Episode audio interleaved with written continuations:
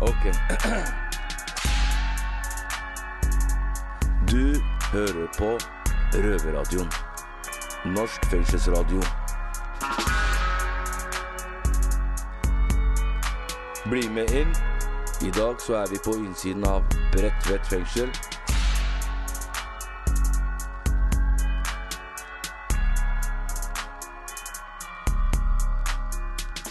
Når sommerferien nærma seg, så var det utholdelig å sitte og vente på det brevet jeg visste måtte komme. Det, brevet som innebar skam. Nemlig feriekolonibrevet. Det var den eneste i klassen som fikk, og eh, mm, jeg prøvde til og med å gjemme det noen ganger. Det funka ikke. Mutter'n visste jo naturligvis at det skulle komme, så feriekoloni blei det. Åkke sånn. Velkommen til Røverradioen. Jeg heter Nina, og med meg har jeg Hege. Hei, hei. Hei. I dag så skal det handle om utenforskap. Og hvordan vi som samfunn kan unngå at så mange faller utafor. Og da er det viktig å høre på dem som har falt utafor. Nemlig oss. Nemlig oss, ja. Så heldige vi er som har så mange som har falt utafor, og får høre på det. Veldig bra. så blant annet så skal du og jeg dele litt av hvordan skolegangen var for oss. Ja, det skal vi. Mm, Og så skal vi til Eidsberg fengsel, der en av gutta forteller eh, om en oppvekst som egentlig må kunne kalles sosial apartheid. Ja. Men først så skal vi høre om noen som har jobba med disse ungdommene. Eh, Røverradioen hadde for en tid tilbake en debatt hvor man bl.a. tok opp temaet 'Blir man kriminell av å falle utenfor skolen?' Ja, og der var annet Fleksi Aukan, som er kunstner og samfunnsdebattant. Debattant. ja. Ja. Riktig. Men hovedgrunnen til at han eh, var med der, og også, eller en av grunnene, var også det at han har kjent på utenforskap og havna til slutt i fengsel. Ja. Og nå skal vi høre hvordan han hadde på skolen. Skole for meg var eh, vanskelig. Jeg er født litt sent på året, i november. Eh, og var kanskje ikke helt klar for skole da, da jeg var eh, fem år gammel. Så for meg var det ganske vanskelig på skolen fra dag én. Jeg hadde mye, mye problemer med konsentrasjon og impulskontroll. Vi hadde en god lærer som var veldig dyktig til å følge opp oss, den håndfullen med liksom uromomenter i klassen. da. Men når hun eh, slutta på, i jobben da jeg gikk i fjerde klasse, så falt alle vi mellom alle stoler. Og, og noen av oss eh, ble medisinert tyngre og, og fikk ikke noe oppfølging, eller den oppfølgingen som trengtes. da. Så fra fjerde klasse så var jeg egentlig ferdig med skolen. Ehm, og tenkte at eh, når ungdomsskolen kommer, så har jeg mulighet til å på en måte få en ny start. da. Eh, problemet da var jo at eh, eh, barneskolen eh, hadde meldt fra til ungdomsskolen om at nå kommer han her problembarnet. Så da jeg kom til ungdomsskolen og tenkte at nå får jeg tre nye år, eller blanke ark og fargestifter til de nye åra, så, så var det jo ikke det. Det var samme stempelet som fulgte meg. Og så åttende klasse sendt rundt omkring i Oslo på problembarnskoler eh, og praksisskoler. Eh, Niende klasse det samme. Tiende klasse så gikk jeg to måneder på skolen til sammen. Eh, fordi skolen som jeg hørte til, eller sogna til, ikke ville ha meg tilbake igjen. Og så fikk vi da pressa, jeg og mamma og sammen med barnevernet fikk pressa skolen til å ta meg tilbake igjen. I bytte mot at jeg var utplassert tre dager i uka. Jeg fikk litt sympatikarakterer. Eh, fikk 2,3 i snitt eller noe, og kom inn på Bredtvet i Groruddalen, rett opp ved Bøllerland. Eh, fredagen før skolestarten på videregående. Og så halta jeg meg gjennom og fant løsninger og liksom eh, Ja. Jeg møtte aldri noen lærer som på en måte forsto meg og, og kunne hjelpe meg med hvordan jeg kunne lære ting. Eh, før jeg satt i fengsel og fikk en eh, veldig dyktig Veldig dyktig mattelærer som eh, kartla hvor jeg lå i faget, og fant ut at nei, du ligger jo på fjerde klasse matte. Um, men han var veldig dedikert, og jeg gikk ut, fra, gikk ut med gode karakterer fra fengselsskolen, eller Grønland voksenopplæring, som det heter. Så det, det, var, det var min lille reise. Eh, med på debatten var også Stine Marit eh, Sundsbø Hollerud, som arbeider i uteseksjonen i Oslo. De spurte hun om hun kjente igjen det Fleksi snakka om. Ja, for hun møter jo ungdom som er, eh, lever i utenforskap hver dag i sin jobb. Mm. Jeg kjenner igjen veldig mye av det Fleksi beskriver. Det er mange som har ganske lignende historier. Nå skal det sies at Vi møter jo veldig mye forskjellig ungdom, og ikke alle av de faller ut av skolen. Men når jeg sitter her nå, så snakker jeg jo på vegne av de ungdommene og unge voksne som vi møter i miljøer som vi vet er ganske skadelige for dem, hvor det er mye rus og kriminalitet, og som ruser seg og bedriver kriminalitet. Og blant dem så er det veldig få som har fullført videregående skole, men litt sånn som Fleksi beskriver òg, så snakker de om et veldig sterkt utenforskap og en følelse av å ikke ha uh, fått det til eller hørt hjemme på skolen fra mye før videregående. Um, og og også det som han beskriver med at uh, han uh, snakker om denne læreren som, som han som passa godt på han og ga han en god opplevelse, men som forsvant. og det hører vi også fra mange ungdommer at det handler, om, handler mye om enkeltlærere, da, og at mange ikke har opplevd ha hatt de lærerne som har gått etter de når de har forsvunnet fra skolen eller ikke dukket opp på skolen, så har de en opplevelse at det kanskje er en lettelse, fordi da er det ikke så mye bråk og forstyrrelser. Um, som gjør at de opplever en veldig sterk uh, følelse av å ikke høre til. Uh, og så er det også flere som beskriver det at de får uh, god hjelp til utdannelse i fengsel, men som strever med å følge opp det når de kommer ut igjen. Fordi da er det veldig mange andre ting som, som skal på plass. Så ja, kjenner meg veldig igjen. Og det er veldig sammensatt og veldig forskjellig da, fra person til person. Men uh, de hovedtingene som at det starter tidlig, det er omfattende, en omfattende følelse av utenforskap. Og det ikke, at man ikke har folk som uh, har tro på deg, ønsker å ha deg der og vil at du skal få det til. Men uh, hvor mange er det egentlig som ikke fullfører videregående? Ja, du, det er ifølge Utdanningsetaten um, i Oslo 15% som ikke fullfører videregående. Men det er ikke de reelle tallene. For hvis man graver videre bak den statistikken, så viser det seg det at eh, i mange utsatte bydeler i Oslo, som f.eks. Fossum, som ligger ved Stovner, så er det hele 46,5% altså nesten halvparten, som ikke fullfører videregående.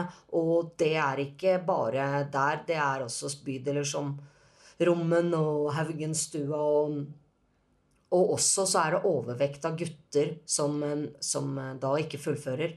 Men de reelle tallene da, for Oslos utsatte bydeler blir mellom 35 og 47% når man tar med jenter. altså. Og det er jo kjempemasse. Det er Altfor mange. Sinnssvakt. Mm. Det er ikke tall vi burde være kjent av eller godta. Nei, og hvorfor? må man spørre seg om. Liksom, så mange detter ut. Og når den først har falt ut, så kan veien tilbake være veldig vanskelig og tung. Det kan den, og vi skal høre et eksempel på akkurat det fra Stine Marit Sundsbø Hollerud ved Uteseksjonen i Oslo. Det er mye snakk om det med motivasjon. Jeg har blitt, eh, eller blitt nesten allergisk mot det uttrykket etter å jobba med masse unge folk. fordi at eh, Jo mer jeg blir kjent med dem, så ser jeg at alle de som er umotiverte, de er jo ikke det. Det er 100 andre grunner til at de kanskje oppleves umotiverte av de som møter dem. Um, og jeg kom på en historie når Fleksi satt og prata med en som skulle prøve seg på videregående igjen, da, som hadde falt ut. Uh, han møtte jeg i et av de åpne rusmiljøene i Oslo sentrum. Uh, og vi skulle forberede dette her, og så, meg, så, begynte han å snakke om at han ville ha norskopplæring først. Og det var jo veldig rart, for han snakka jo åpenbart godt norsk, så han trengte jo ikke det. Så viste det seg at han, han ønska seg å lære seg å snakke norsk som noen som ikke hørtes ut som en gangster. Fordi han grua seg så innmari til første skoledag og var sikker på at han kom til å bli outa som en gangster med en gang. Og det som var det vondeste med den historien, var jo at dag én eller dag to tilbake på den skolen, så kom det noen bort til han og spurte om han hadde hasj. Så han, det tok jo ikke lang tid. Det de ungdommene her trenger, det er eh, å bli møtt med forståelse. Noen som ser den eh, sammensatte og helhetlige situasjonen de lever under, som kan dyrke fram de ressursene de har, og gi dem noen plattformer hvor de kan eh, få bruk for seg sjæl, og gi de en opplevelse at de er verdsatt og ønska. Da skal vi forlate debatten og gå over til Eidsberg fengsel. Men hvis eh, dere vil høre resten av debatten, eller hele debatten, så er den tilgjengelig på Røverradioens Facebook-side.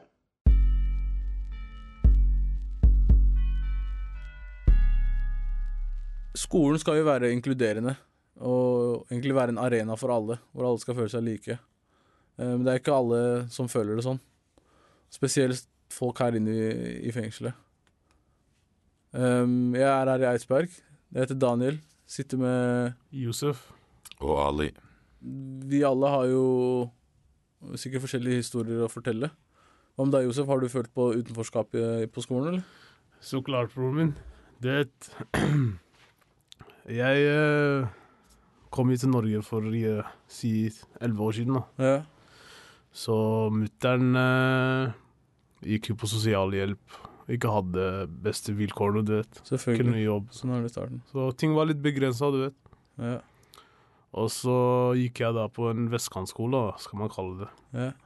Og der var det sånn eh, Fra fjerde til tiende så var det noe som het eh, Lekeren, da. Som var en fritidsklubb for de over eh, som ikke kunne gå på SFO lenger, da. da etter fjerde så er det ikke SFO lenger, du vet. Riktig. Så var det sånn at det kosta jo litt penger, da, å gå på den lekeren. da. Det kosta noe rundt 3000 i måneden per person. Ja. Så du kan tenke deg, da, vi er jo fire brødre hjemme. Ja, ikke sant? Hvordan skal mutter'n klare å betale for det? Det er Eh, um- umulig. Ja. Mutter'n får 12 000 i måneden. Det hadde alle penga gått til uh, lekeren. da. Hadde ikke vært noe mat hjemme. Men i hvert fall. Så var det sånn uh, Vi hadde ikke noe steder å være på etter skolen. Ja. Og de drev jo De hadde jo PlayStation i, inne der, og biljard og ditt og datt. da. Sånn drittungen liker, da. Så fritidsklubben-aktig. Ja, Ja. forstår du. Og så var det så Vi var en liten gjeng, da. Du kan kalle utlendingene der, da. Som kom eh, fra samme vilkår. Nav og alle de drittgreiene der, du vet. Og så var det alltid sånn eh, De som eh, Jeg vet ikke hva jeg skal kalle det. De som hadde råd til å gå der, da. Ja. De fikk jo muligheten til å gjøre de forskjellige tingene, da. Og mens vi da utlendingene måtte sitte utafor og se på. Såpass. Mm. Blant annet eh, kunne de for eksempel eh, blitt servert middag hver dag, og så satt de da ute og spiste, og så måtte vi sitte en benk lenger unna. Vi fikk ikke lov til å sitte med dem, og måtte sitte og se på de spise. Blant annet når de skulle gå inn og spille PlayStation. Da måtte vi bli på utsiden. Fikk ikke lov til å gå inn på lokalet. Ja, mye av de greiene her, altså. Dere måtte liksom stå utafor og vente på At folk skal komme ut igjen, liksom. for å, Fy faen. Mm. Det er sykt, egentlig. ass. Det er Mm. faktisk jævlig sykt. ass. At det skal være, så, være sånn i Norge, liksom. Tenk deg for et barn da, å oppfatte det. Ja, på ja. den. Det er definisjonen på utenforskap, Mm. egentlig. Vi var jo en gjeng, da. Vi Ja. var jo kanskje sånn fem-seks stykker da, på hele skolen som Ja. følte på det samme greiene. Og det burde jo ikke være sånn, egentlig. du vet. Nei. Man skal ikke få lov til å delta, liksom, bare fordi mutter'n eller fatter'n har råd til å betale for uh... Skjønner du? Nei, det høres ikke bra ut, og spesielt ikke for barn. Mm. Men Så det var ikke noe tilbud utover det, Josef?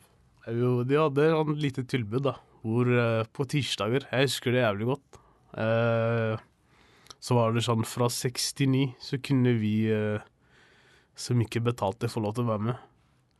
Men som regel så var det bare oss utlendinger der, for da hadde jo alle de som eh, vært der, dratt hjem allerede. Mm.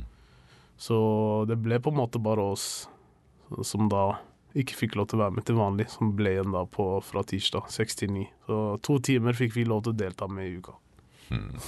Så resten av uka så måtte du sitte og se gjennom vinduet, liksom. Jeg sitter og ser på de, og de hadde jo forskjellige ting de drev med, aktiviteter, og da fikk vi ikke lov til å være med. Slå ball, for eksempel. Nei, dere er ikke med, så dere får ikke lov til å være med. Mye forskjellig. De har ikke hjerte, de folka, Altså. Og så lurer jeg på hvorfor vi ender opp til å havne på kriminalitet og søker andre veier da, for å få de samme mulighetene, du vet. Ja, Mm. ja, det forklarer litt. Mm. Det ligger alltid mer bak det enn uh, Mm. oppsøke glede, vet. Nei, men jeg husker også da jeg var yngre, det var jo Det var jo mange som eksempel ikke fikk være med på aktiviteter, da. Sånn som vi spilte fotball og sånn, det var jo foreldra til folk som ikke hadde råd til å for eksempel betale kontingenter og Mm. kjøpe sko og, og så videre, ikke sant. Mm.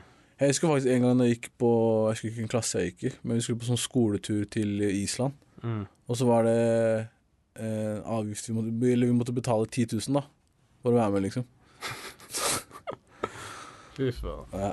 Så jeg hadde ikke hjerte til å gå til fatter'n og spørre om ti lapper, liksom. Nei. Da Du bare- hadde ikke fått den heller, da. Nei, jeg tviler på det, altså. Hvor faen skal han liksom hoste opp ti lapper for hva for jeg skal dra på Hvor gammel liksom? var du da, broren? Jeg vet ikke, 11-12, 10-11-12 år, skjønner du hva jeg mener. Så det er, jo, det er jo Ikke at det var noe stor greie, men det er jo kjipt å ikke få være med. Ikke sant? Mm. Resten av klassen på en måte stikker og her der. Og fatter'n jobber 18 timer om dagen. Jeg kan ikke gå og spørre han om tidlapper. mener? Så det er ikke rart man begynner å selge ting og begynner, skal tenke på å tjene penger. Ikke sant? Skjønner du? Nei, og, og få det fokuset. Ja, ikke sant? Når penger har vært et så stort hinder at du har ikke fått være som alle de andre barna, Ja. selvfølgelig da vil det skape et sånn ja, et sug etter penger. Da. Jeg, jeg skal liksom, Foreldre har alltid prøvd å stille opp for meg. Liksom. Og om, om jeg har spurt, så har de liksom bøyd seg bakover da, for, å prøve å fikse, for at jeg skal ha alt. Jeg har aldri mangla noe, så jeg, jeg klager ikke i det hele tatt. Men visse situasjoner når du ser på en måte, familien jobber så hardt og står på så lenge, så har du ikke hjerte, i hvert fall, selv i den alderen, å gå og spørre om sånne summer da, for, å gå, liksom, for at du skal gå på ferie eller du skal gå og gjøre liksom, ting med skolen. Så det bare Men det er det altså. som er med oss. Jeg føler vi har Siden vi har hatt den mangelen, så har vi, setter vi mer pris på ting, du vet. Absolutt, altså. Absolutt. Og så har man på en måte Det gjør at vi setter mer pris på ting enn Ja, ja, det gjør det. Altså. Det er 100 Og så er det det med at man på en måte blir jo egentlig litt Nå, da, når man blir eldre, så er jeg litt glad, glad for at man har hatt litt eh, Hva skal jeg si Ikke problemer, men at du på en måte litt struggle. Ja, ikke sant. At du har hatt en liten kamp da, hvor du, hvor du på en måte må kjempe for ting. da, ikke sant.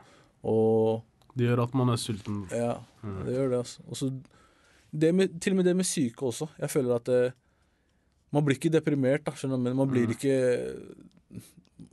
Man, man Det bygger deg opp psykisk. ja, man, man blir ikke nedbrutt da, hvis du møter et problem. Ikke sant? Du ser bare løsninger, hvordan du skal fikse ting. Ikke sant? Mm. Du har allerede vært gjennom alt. Ja, ikke sant? Så, Dere tar opp gode poenger her, gutta, men samtidig så må jeg bare si at som barn, Ja. da er det lett å få arr av slike ting.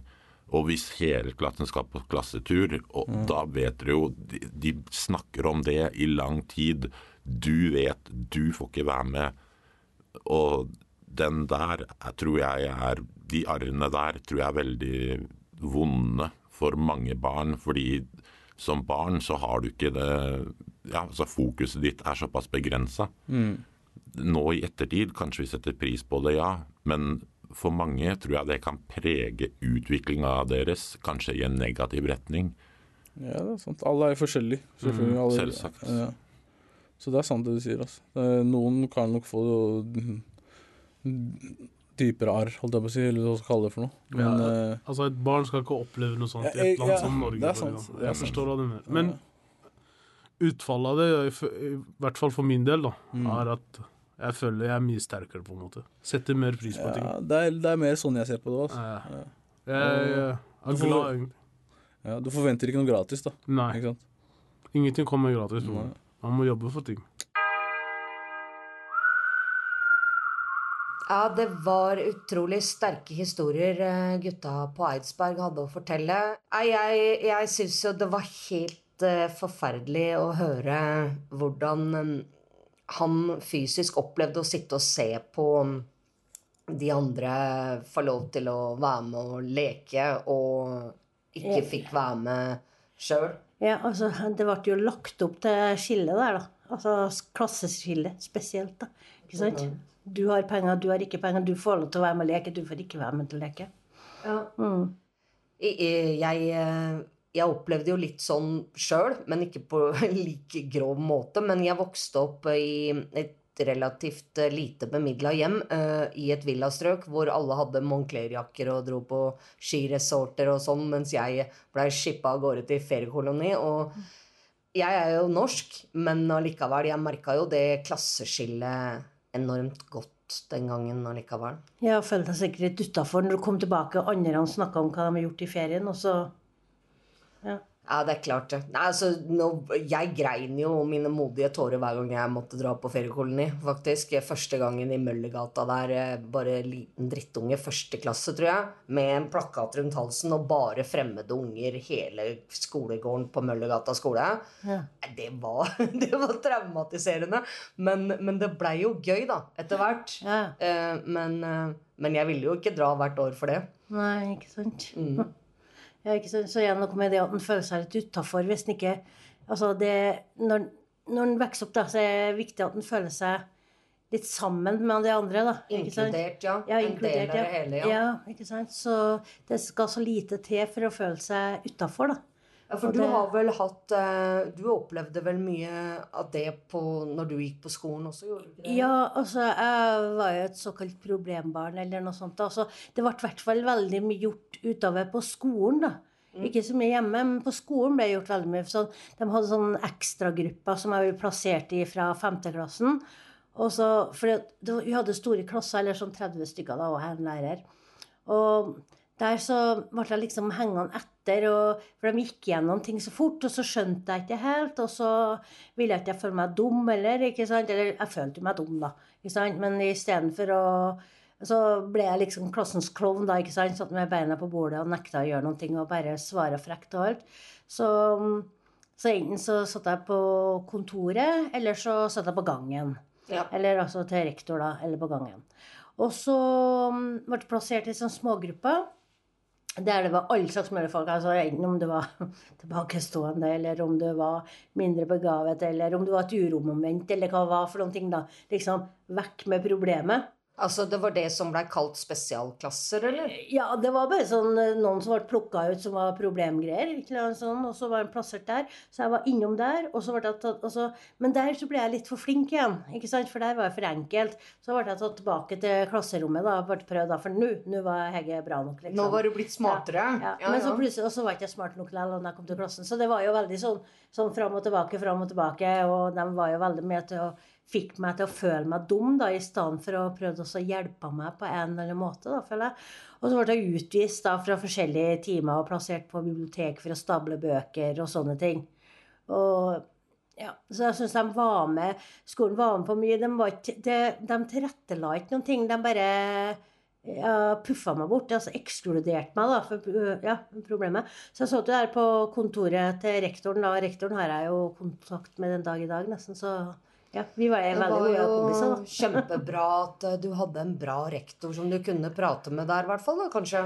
For det må jo skape arr, tenker jeg, sånn som han var inne på, han på Eidsberg. At eh, eh, det å være så utafor og ikke bli inkludert skaper traumer og arr og gjør noe med selvbildet. Ja, ikke sant? ja, ja, det gjør det noe med sjølbildet. Absolutt. Sånn, jeg følte jo meg Jeg gikk jo ikke på noe Hadde ikke lyst til å gå på noe skole etterpå, f.eks. Ikke sant? Og jeg følte jo meg kjempedum etter langt opp i årene, liksom. Og så gikk jeg voksenopplæring en gang, husker jeg på, da fikk jeg kjempebra karakterer. Fem og seks og sånne ting. Så jeg bare wow, shit, jeg er jo ikke dum allikevel. Ikke? Det er godt at du jeg var dum i mange, mange år. Ja, og det Sånn er jo bare sørgelig. At, Ja, det er jo ikke skolen legger til rette for å ivareta alle. Ja, ikke sant? Og da ble jeg ut, automatisk sånn følt uh, utafor, da. Og da er det jo lett å så trekke til annet miljø, da, om andre folk som ikke enten orker å gå på skolen eller sånn. Jeg var på skolen, da, for det måtte jeg, da. For faren min var veldig streng, da. Han var sånn Skole den skulle jeg uansett om jeg ville eller ikke, liksom. Og alt mulig sånt. Men øhm, Ja. Så Men det blir jo sånn Så det det resulterte i for deg, da, var det at du søkte deg til grupper som ikke var så veldig sunne? Ja, akkurat. Mm, riktig. For der blei du godtatt og Ja, ja, det, ja, ikke sant? Absolutt. Så da hadde vi de samme interessene. Mm. Å gjøre mest mulig faenskap på skolen, sånn, der vi var. Nesten sånn sett, da. Så eh, ja, det er veldig enkelt. Altså, jeg tror flestene som er blir ja, blir kriminelle og narkomane og sånt, at de havner utafor en eller annen gang på skolen. da. Så det handler om på skolen, tror jeg, at de tar tak i folk der. Det er veldig viktig, da. Eh, På ja, både barneskolen og ungdomsskolen. da. For jeg ser ofte folk som holder på å havne utafor. Enten om det er noe gærent hjemme, eller det er noe, at, den har, at det er noe ADHD-greier. For det òg fikk jeg, da. ADHD og men da var det MBD, da. Minimal Brain Destruction, eller et eller annet. Ja, det høres jo Ja, forferdelig ut, Og jeg skjemte så gærent. Det var ingen som skulle få vite. da, ikke sant? Jeg hadde er hjerneskade attpåtil. Uff a meg. Ja. Ja, der er vi tilbake til diagnosesamfunnet, som ikke nødvendigvis hjelper, men heller ødelegger. ikke sant? Ja. Men de kunne ha gjort mye mer da, for å fått meg til å så trivdes, for å fått litt mestringsfølelse og fått mye mer av tro for meg sjøl. For selvsagt utvikla jeg dårlig sjøltillit og alt det der, ikke sant? Altså, ja. Altså at jeg ikke kunne, og jeg fikk ikke til noen ting eller eh, noe. ikke sant? Så det så absolutt det at de har jo kunnet trådt inn litt og hjelpa litt, gjort, litt, gjort ting litt annerledes her. da. Jeg håper at de er flinkere i dag på skolen til å gå inn og ja, gjøre ting. Det håper jeg òg. Mm, tar tak i, i hvert fall. Tenk for det absolutt du, du ser Du kan nesten komme på en ungdomsskole så kan du nesten peke ut hvem som har store sjanser for å dette ut, mener jeg. da. Og da For å havne i fengsel, mener du? for å havne i fengsel, ja. og da mener jeg at det er lærerne og sin oppgave, da, når du er lærer, å ta oss og være med på å hente inn folk da, og kjøre dem på rett rett, uh, rett, rett, rett, hva er det? Rett, rett vei. På rett vei, ja. Viser dem den smale sti. Ja, akkurat. ja. Ja. Det var eh, litt av en eh, fortelling, Hege. Det må jeg si. Det kan ikke ha vært lett. Nei, altså Nei, når, når en tenker over det, så er jo ikke det. Absolutt ikke. Men jeg er glad for at eh, du fikk eh, oppleve å mestre skole selv om du var nødt til å bli voksen. Ja, og ikke sant? fikk et bedre syn på dine egne intellektuelle evner, for å si det Ja, sånn. ja. Fordi at eh, å gå rundt med det selvbildet resten av livet er jo i hvert fall ikke noe fordel. Ja, det er et tragisk grunnlag, da. At du skal bare legge et grunnlag der du bare får nuggen, som pappa kalte det. Ja, jeg og lidegodt og sånn. Og det er ikke noe ålreit. Men eh, enn du hadde noen andre opplevelser, inn- inn- opplevelser du på skolen i forhold til sånne ting? At du var tilsidesatt annet enn i klasseskille, som du sa. Så Ja, altså, jeg, eh, jeg er jo gammel, sånn at jeg er født i 65, og, og eh, den gangen fikk man ikke så mye diagnoser. Men jeg vil jo tro at jeg har ADHD, for jeg har jo aldri klart å sitte stille. Men, eh, men jeg syns det var gøy å gå på skolen, da, fordi jeg skjønte det læreren lærte meg og sånn. Men vi var også veldig mange, vi var 27 stykker i klassen min. Og eh, alle eh, for, for klasseforstanderen min, da, fra første til sjuende klasse, veldig viktig at alle var inkludert. Sånn at eh, brorparten av hennes undervisning, eller eh, absolutt majoriteten av hennes undervisning, gikk til å ivareta de svakeste. Kanskje dine lærere var ikke like flinke til det. Men det var hun, ikke sant? Og det betydde det at eh, etter et kvarter av timen så var jeg ferdig med oppgavene. Ja. Og da hadde jeg ingenting å gjøre. Og det var jo helt uutholdelig for meg. Jeg klarte jo ikke det i lengden, jeg da. Så da begynte jeg å prate med folk rundt meg, eller jeg eh, rakk opp hånda og måtte absolutt gå på do, eller ikke sant. Jeg var oppe og gikk, og jeg klarte ikke å sitte stille, ikke sant. Så da endte jo det med at jeg måtte ut på gangen, og der tilbrakte jeg brorparten av, skolegangen min på gangen, eller også hos rektor, da. Fordi at jeg var jo da etter hvert problematisk og rampete og alt dette her, for det syns dem, da. ja. Mens jeg var egentlig det jeg oppfatter som grundig understimulert. ikke sant? Jeg skulle bare, hvis, hvis, jeg, hvis jeg bare hadde fått masse mer oppgaver som jeg kunne klart å bryne meg på, ikke sant? fått litt oppfølging jeg også, da. Ikke mer enn at eh, kanskje Ja, men så bra, her har du litt mer, og litt sånn, ikke sant? Så, så hadde jeg følt mestring og følt at jeg klarte noe og alt det der. Isteden så blei jeg jo bare frustrert. Ja, ikke sant? ja, for det har jeg hørt om meg, at, legger At eh, enkelte lærere kan legge med rette altså, eh, med folk som ikke får til ting. ikke sant? Også dem som er veldig flinke, da, de, blir, de kjeder seg, ikke sant? Men altså, det er jo lærere, og de må ha flinke lærere, da. Som klarer å Ja, snappe opp eller, altså, jeg veit ikke helt hvordan man skal løse akkurat det. Jeg har tenkt mange ganger at det, det kunne vært bedre å hatt delte klasser, ikke sant? På en måte. At, at jeg hadde vært, hatt bedre i en klasse hvor men, men, men på den annen side, sånn har de i USA, og det er jo masse negative konsekvenser Ja, av det. så, så jeg har ikke svaret. Jeg, jeg kan ikke påstå at jeg har det. Men for meg så førte Da blir det den dumme gruppa og den smarte gruppa ja, det blir jo ganske? Mm. gærent det også på et eller annet Ja. vis. Men da kunne jo flere ressurser vært satt inn til dem som trengte mer hjelp. Pluss at eh, dem som da trengte å stimuleres mer, hadde fått mer utfordrende oppgaver. Men som sagt, eh, da blir det et skille igjen. Men, men vi er jo ja, Nei, som sagt, jeg har ikke svaret på det. Men eh, det det resulterte i for meg, da, sånn på sikt, var jo det at jeg skulka mer og mer fordi at skolen var ikke noe spennende og eller interessant og eller eh, ja, utviklende. Og jeg følte meg jo allerede utafor pga. det klasseskillet som var der. At eh, det var jo dem med penger, og der tilhørte ikke jeg. Så jeg søkte meg jo til andre mindre bemidla bydeler, hvor jeg fant venner som var mer på mitt plan. ikke sant? Og da også da venner som brukte litt rus og var litt mer rampete og sånne ting. Sånn at det, det er jo noe med å bli bekrefta og sett og tatt imot Mm. som man blir i det miljøet, i et rus- og kriminalitetsmiljø, hvor alle er like gode, og hvor, eh, hvor du passer inn uansett hvor mistilpassa du er eh, i det mainstream-samfunnet, liksom. Ja. Og det er jo derfor det er så lett å bli sugd inn i den verden også. Fordi at plutselig så er du noen igjen når du Ja. har vært bare på sidelinja altfor lenge. Ja, alle trenger jo tilhørighet og ha ei gruppe liksom, som de passer sammen med. Absolutt. Og så appåtil, de to siste åra før jeg slutta skolen, 8. og 9. klasse, var eh, lagt til det miljøet hvor jeg hadde søkt meg til. Så, så det var på Sandaker, og på Sandaker var Sandakersenteret, ikke sant. Eh, så da, var jeg i hvert fall ikke mye på skolen. Nei, Men eh, jeg hadde mye kontakt med kompisene mine. Det, det hadde jeg. Så aldri så gærent så var det godt for noen. Ja. Ja. Nei, så uh, utenforskap er uh, absolutt uh, ikke bra. Og jeg ønsker jo at vi kunne hatt et samfunn hvor alle barn blei sett, og hvor dem som hadde problemer, blei fanga opp mye tidligere. For det mener jo jeg at jeg kunne blitt også. Fanga opp på et mye tid Fanga opp, ikke bare på et tidligere tidspunkt, men fanga opp. Eh, Og så i og med at vi Ja. bruker så mye på, tid på skolen, da. Altså, vi bruker jo hele, hele barndommen, hele barndommen på skolen.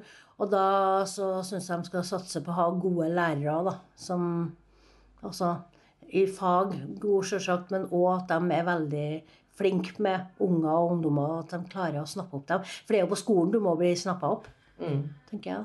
Og så tenker jeg også det at uh, ifra Eidsberg-fortellingen der at vi skaper et samfunn hvor det er noen som har masse, og veldig mange som har nesten ingenting. Og det er et utenforskap som uten tvil genererer eh, kriminelle. Sånn er det jo bare. Eh, dessverre. Når, når, når alt du oppnår i livet skal måles i penger, med hva du kan skilte av, av eh, statussymboler istedenfor hvem du er, og hva du faktisk kan utrette, og, og hvem du er som menneske, så vil mennesker til alle tider forsøke å ta det de ikke kan eh, jobbe seg til, eller få. Det er klart, ja. det. ikke sant? Så lenge suksess måles kun i statussymboler, så er det det samfunnet vi skaper, og det er det samfunnet vi får. Sånn tenker jeg. Ja, og nå må de jo ha liksom PC på skolen, og gjerne en ny iPhone. Og attåt sammen med de klærne og sånne ting. Da, som Ja, det er jo helt umulige krav. Ja. Ja, ikke sant. Så en legger det jo opp til et stort klasseskille, Absolutt. hele systemet. da.